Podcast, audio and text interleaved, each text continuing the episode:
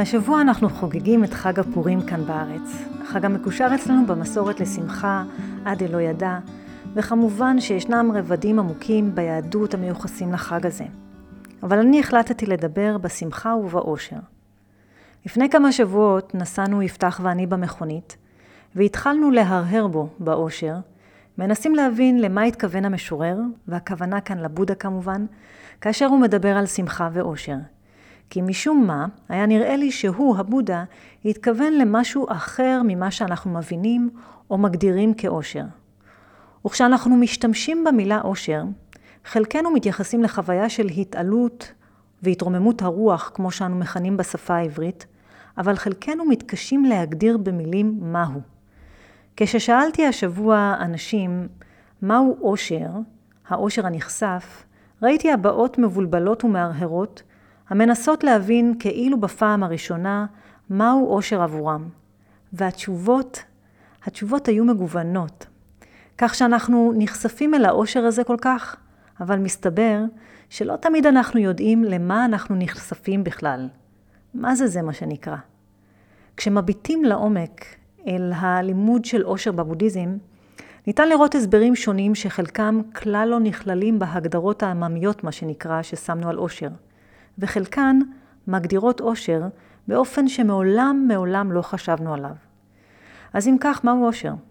האם הוא, האושר, מה שנקרא overrated, מוערך יתר על המידה, או מוערך באופן שגוי על ידינו? האם התפיסות הקדומות שלנו על אושר מונעות מאיתנו לחוות אושר אמיתי? בקיצור, האם אושר זה לא מה שחשבנו? ברוכים הבאים לפודקאסט הירח לא נרטב. שמי שרון חסיד אדמוני, מורה ומתרגלת בדרך הזן, והפודקאסט הזה בא לשתף אתכם בזן בחיי היום-יום. ואם התוכן הזה נוגע בכם ומעניין אתכם, אתם מוזמנים לשתף את הפודקאסט לאנשים היקרים לכם, אולי זה ייגע גם בהם. אז נשוב ונהרהר בשאלות. מהו אושר ומהי שמחה עליהם מדברים בבודהיזם? לאורך השנים אני מקשיבה לשיחות וקוראת מאמרים של מורים שונים, מזרמים שונים, לגבי שמחה ואושר במקרה הזה, ולגבי המשמעות שלהם בתרגול הבודהיסטי. ועלו בי מספר תובנות. האחת, ישנן גישות והסברים שונים לגבי שמחה ואושר.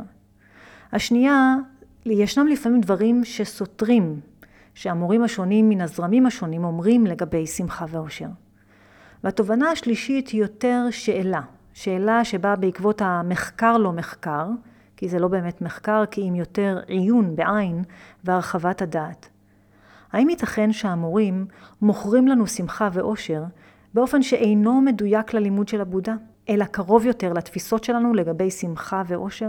האם ייתכן שגם הם נפלו בבור הפרשנות של שמחה ואושר והפנטזיות שיש לנו לגביהן, או שמא ההסברים שלהם מטעים אותנו להבין אותו?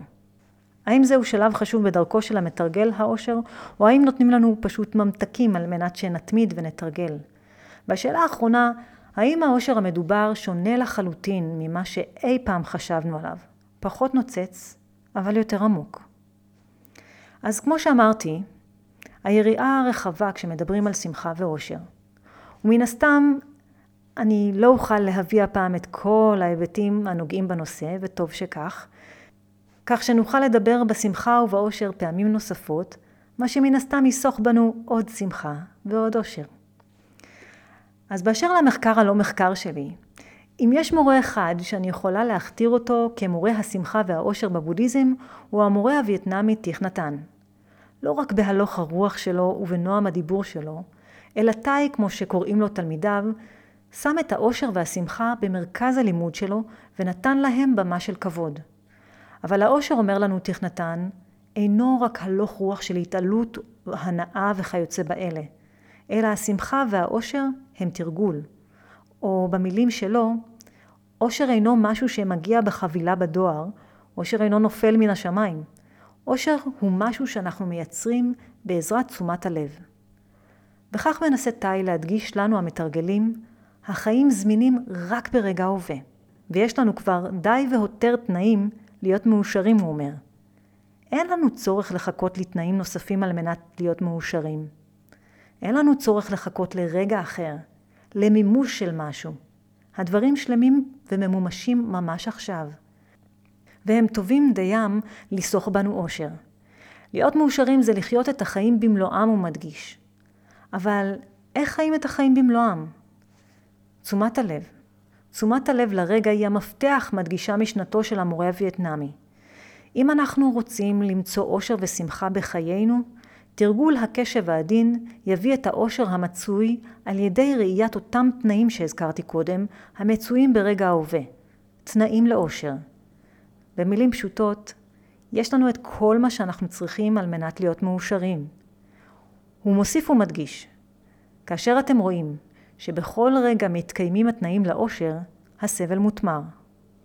כך ששמחה, אושר וסבל שלובים זה בזה, חבוקים זה בזה, ולכן זיהוי התנאים לאושר וטיפוחו מסייעים לנו לחבוק את סבלנו ולהתמיר אותו, או במילותיו הפיוטיות, זרעי השמחה והרווחה יתמירו בתוכנו את הסבל.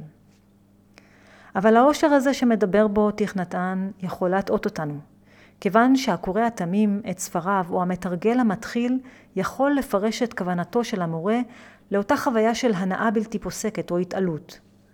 כאשר הקורא או המתרגל נתקלים במשפט, אנחנו יכולים להיות מאושרים בחיינו בכל רגע, מיד מתחיל תהליך של פרשנות הנשען על הגדרות אישיות של כל אחד ואחת על שמחה ואושר. אך אם נקרא לעומק, או בין השורות, טיך נתן אומר לנו, אושר משמעו לחיות את החיים במלואם. אז אם החיים במלואם, הרי שבחיים האלה יש רגעים נפלאים, באמת נפלאים, וכולנו, כולנו מכירים אותם. ויש גם את הרגעים הפשוטים האלה שיכולים להיחוות באופן נפלא כמו טעמו של לחם טרי בפה. אבל גם יש רגעים מאתגרים, ויש משברים ומחלות ופרדות וכאב, וגם אותם, גם אותם אנחנו כולנו מכירים. אז למה מכוון אותנו תכנתן? איך אפשר להיות מאושרים כשחיים את החיים במלואם, אם עכשיו נפרדנו מיקירנו וזה החיים במלואם? איך נרגיש את השמחה כפי שאנחנו מבינים אותה, כשעכשיו כל מה שאנחנו חשים זה כאב ועצב שצובט בנו עמוק? איך? האם המורה הגדול נפל בפח, בפח האשליות כשלימד אותנו על שמחה? האם הוא נתן לנו ממתק? או אולי דבריו של המורה עטופים בצורה כזו שתמשוך אותנו פנימה אל התרגול שאט אט יחשוף בפנינו את מהות העושר עליו הוא מדבר. ואולי, אולי האוזן הבתולה בדרך אינה יורדת לעומקו של הלימוד שהמורה מבקש לומר. אולי ישנו שילוב של שני ההיבטים. האחד, זו היכולת שלנו לטפח את חוויית השמחה בחיינו ואת חוויית העושר, במילים, במחשבות, בנשימה, בהליכה, ממש עכשיו, בתור תנאי הכרחי לחיינו. כמו בשיתוף של אחד ממורי הדרמה בארצות הברית, על חווייתו את אמו הדמנטית שחיה במרכז לקשיש. האם הייתה נרגנת ונהגה להתלונן ולקטר כל הזמן, כך שאפילו האחיות נמנעו מלגשת אליה בשל מזגה הרע.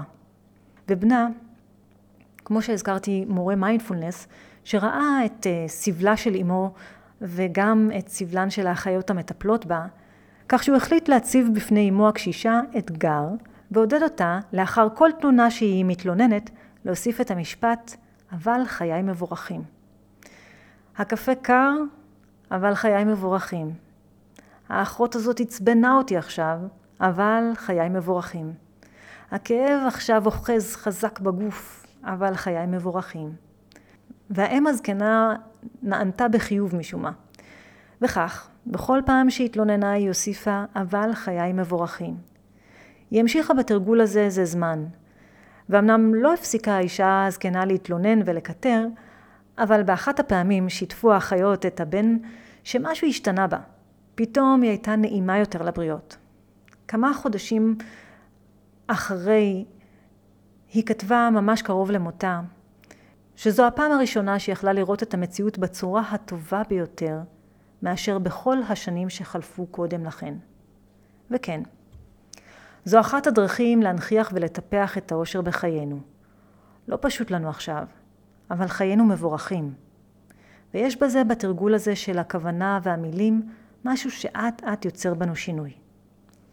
אבל כמו שאמרתי קודם, ישנו היבט נוסף שנותר מעורפל בלימוד של תאי, שטרם נגלה לנו בשלב הראשון בו אנו ניגשים להבין את מהות השמחה והאושר עליהם הוא מדבר. והוא יתגלה לנו את נעמיק ונצלול אל התרגול. אבל תאי מדבר על כך באופן עגול ורך, ולעומתו יש מורים שמצביעים על כך באופן חד וישיר. באחת משיחות הדרמה של מורה הזן דה קוואנג, מהזרם הקוריאני, הוא מחלק עבורנו את השמחה לשניים. השמחה התלויה בדבר, תלויה במה שהשגנו, בזה שהצלחנו לתפוס את הרכבת בזמן, שמצאנו מחסה מן הגשם, באהבה שיש לנו, בארוחת אימא, והיא, השמחה הזו, יכולה להיות שלמה. שלמה בתחושה שלנו. אבל אם, אם נאחז בה, ולו האחיזה הקלה ביותר, נסבול. ומנגד, מנגד ישנה השמחה או העושר שאינם תלויים בדבר. והשמחה הזו נובעת מן התרגול והחבירה אל הדממה נטולת המושאים. התודעה הדמומה הזו הינה הלוך רוח שנוצר עם התרגול המתמיד, בו הראייה הופכת צלולה יותר ויותר, פשוטה יותר ויותר, שלמה יותר ויותר. והיא מתרחבת. מתרחבת אל העולם ומקבלת את העולם כמות שהוא. על כל הפנים שלו. על ההיפוכים שהתודעות יוצרות פה. על השמחות והיגונות. על הכל. מקבלת, הווה אומר חומלת. חומלת, הווה אומר מקבלת את היות הניגודים, אך חופשייה מהם. חופשייה מהם, משמעו מאושרת. וכשמסתכלים בכתבים המיוחסים ללימוד של הבודה באשר לשמחה והאושר, ניתן לראות חלוקה לשישה, לפעמים יותר, לפעמים פחות, אבל שישה סוגים של אושר. רק הראשון מביניהם קשור באושר המותנה עליו דיבר מורה הזן דה קוואנג. אבל כל הבאים אחריו, כמו הרחבה של האושר הבלתי מותנה שעליו הוא דיבר. כל הבאים אחריו מתארים שלבים ותהליכים המתרחשים בתודעתו של המתרגל בשל התרגול. בזכות התרגול. כך שסוגי העושר מתוארים באופן הבא: עושר כתהליך של התבססות הריכוז בתוכנו. עושר שהוא תובנה וראייה נכוחה הרואה את ההרגלים שלה ומרפה מהם. ההבנה והזיהוי כמו ניצחונות קטנים של התודעה על עצמה. וכן, עושר בהפנמת הארעיות והעושר שבהתבוננות, או פעמים רבות נקרא העושר שבמדיטציה. כל מי שמתרגל לאורך זמן, חווה את האושר הזה שבישיבה הפשוטה, כמו אי של שקט, מקלט, מקום של רק לשבת, ומשהו נח בנו. והאחרונה שבהם היא האושר שבניבנה, או כמו שרובם מכירים את זה, נירוונה, שחרור מן הכבלים של התודעה. האושר הזה הוא האושר שבחבירה אל שוויון הרוח המצוי בעולם, ההצטרפות שלנו אל התנועה של העולם, והכוונה היא לאותה ראייה צלולה, שמביטה לעומק ומבינה את הווייתנו ואת הוויית העולם גם יחד. מבינה את חוקי היקום והחיים, בלא דחייה, לא משיכה, בין אם נעים או לא נעים, עולה בנו עכשיו, הכל בסדר.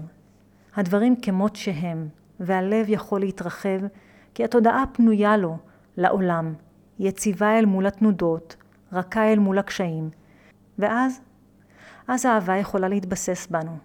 חמלה יכולה להתבסס. ואנחנו יכולים לחוות את הפלא הזה שנקרא חיים. הכל פלא. גם האתגרים שאנו מתמודדים איתם הם פלא. גם הכוחות הגדולים שאנחנו מוצאים בתוכנו שעה שאנחנו מתמודדים איתם הם פלא. גם ההסכמה לעשרת אלפי היגונות והשמחות, פלא. ואנחנו יכולים להפסיק את המאבק עם החיים, סוף סוף שביתת נשק, סוף סוף מנוחה.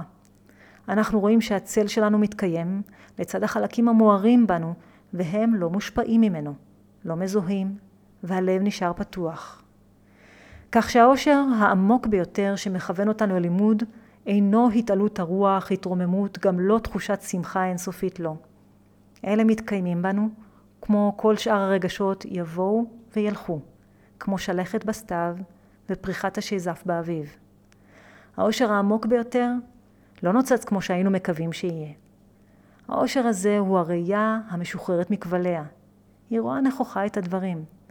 את השמחות והיגונות, הפחדים והאומץ, רק שאינה אוחזת בהם, לא כבולה אליהם. נושמת אותם. נושמת את הדברים, מתרחבת אל העולם ולא מתכווצת. וגם אם עולה בקיבוץ לרגע, היא ערה אליו, ויודעת, גם הוא כמו עלה עץ המייש, גם הוא ינשור בעיתו. וזה, זה אושר. לא יותר, לא פחות. או כמו שאומר ג'ק קורנפילד, תראו שבעולם הלא מושלם הזה ישנו סוג אחר של אושר. וזהו שלב מהותי בתרגול, כן.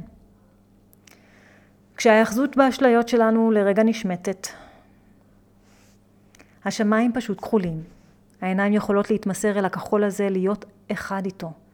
אבל בו זמנית לדעת שהמילים קצרות מלהביע. ואז, אז אנחנו רק נביט אל השמיים, מגשימים את השמיים בתוכנו. וזה רגע של אושר. אז דעו, הדשא של השכן אינו ירוק יותר, הדשא פשוט ירוק. אז אולי זה לא האושר שקיווינו אליו, אבל יש לנו עדיין את השמחה התלויה בדבר, היא עדיין שם. אנחנו יכולים ליהנות ממנה, להשתמש בה, רק להרפות כשמגיע הרגע. ויש כאן הזמנה ללכת אל מעבר אליה. ובאשר למחקר הלא מחקר שלי, מסקנתי היא לא משנים ההסברים שנתנו המורים השונים, לא משנים הדגשים, כולם מדברים על כוחה של מודעות והקשר הישיר שלה לאושר. הבעיה אינה בלימוד של המורים, לפחות ברוב הפעמים, אלא בהבנה שלנו ששומעת את המילים ומיד מתרגמת אותן להגדרות שלנו. כך שיש לנו ציפיות ברובן שגויות לגבי אושר. כמו כמיהת שווא שלעולם ימתקו חיינו ולעולם לא יבוא בהם כאב. רק שזה חלום תלוש מן המציאות ומן הלימוד. ובכל זאת, כמו שאנחנו יכולים לראות, התרגול הזה המשחרר אותנו לראות את הדברים נכוחה בלא הזדהות, משנה בנו משהו, שרק אלה התואמים את טעמו יכולים להיות עדות לזה. אז אסיים במילים הבאות. קשב אין בו הבטחה ליותר יופי, יותר שמחה, יותר שלווה, או משהו כלל. הוא כל כך שאיפה, כל כך נשיפה, שאין לו זמן לשפר כלום. הוא לא מבטיח שימלא את החסר, כי הוא השפע שיש. כתב יעקב רז. מאחלת לכולנו פורים שמח.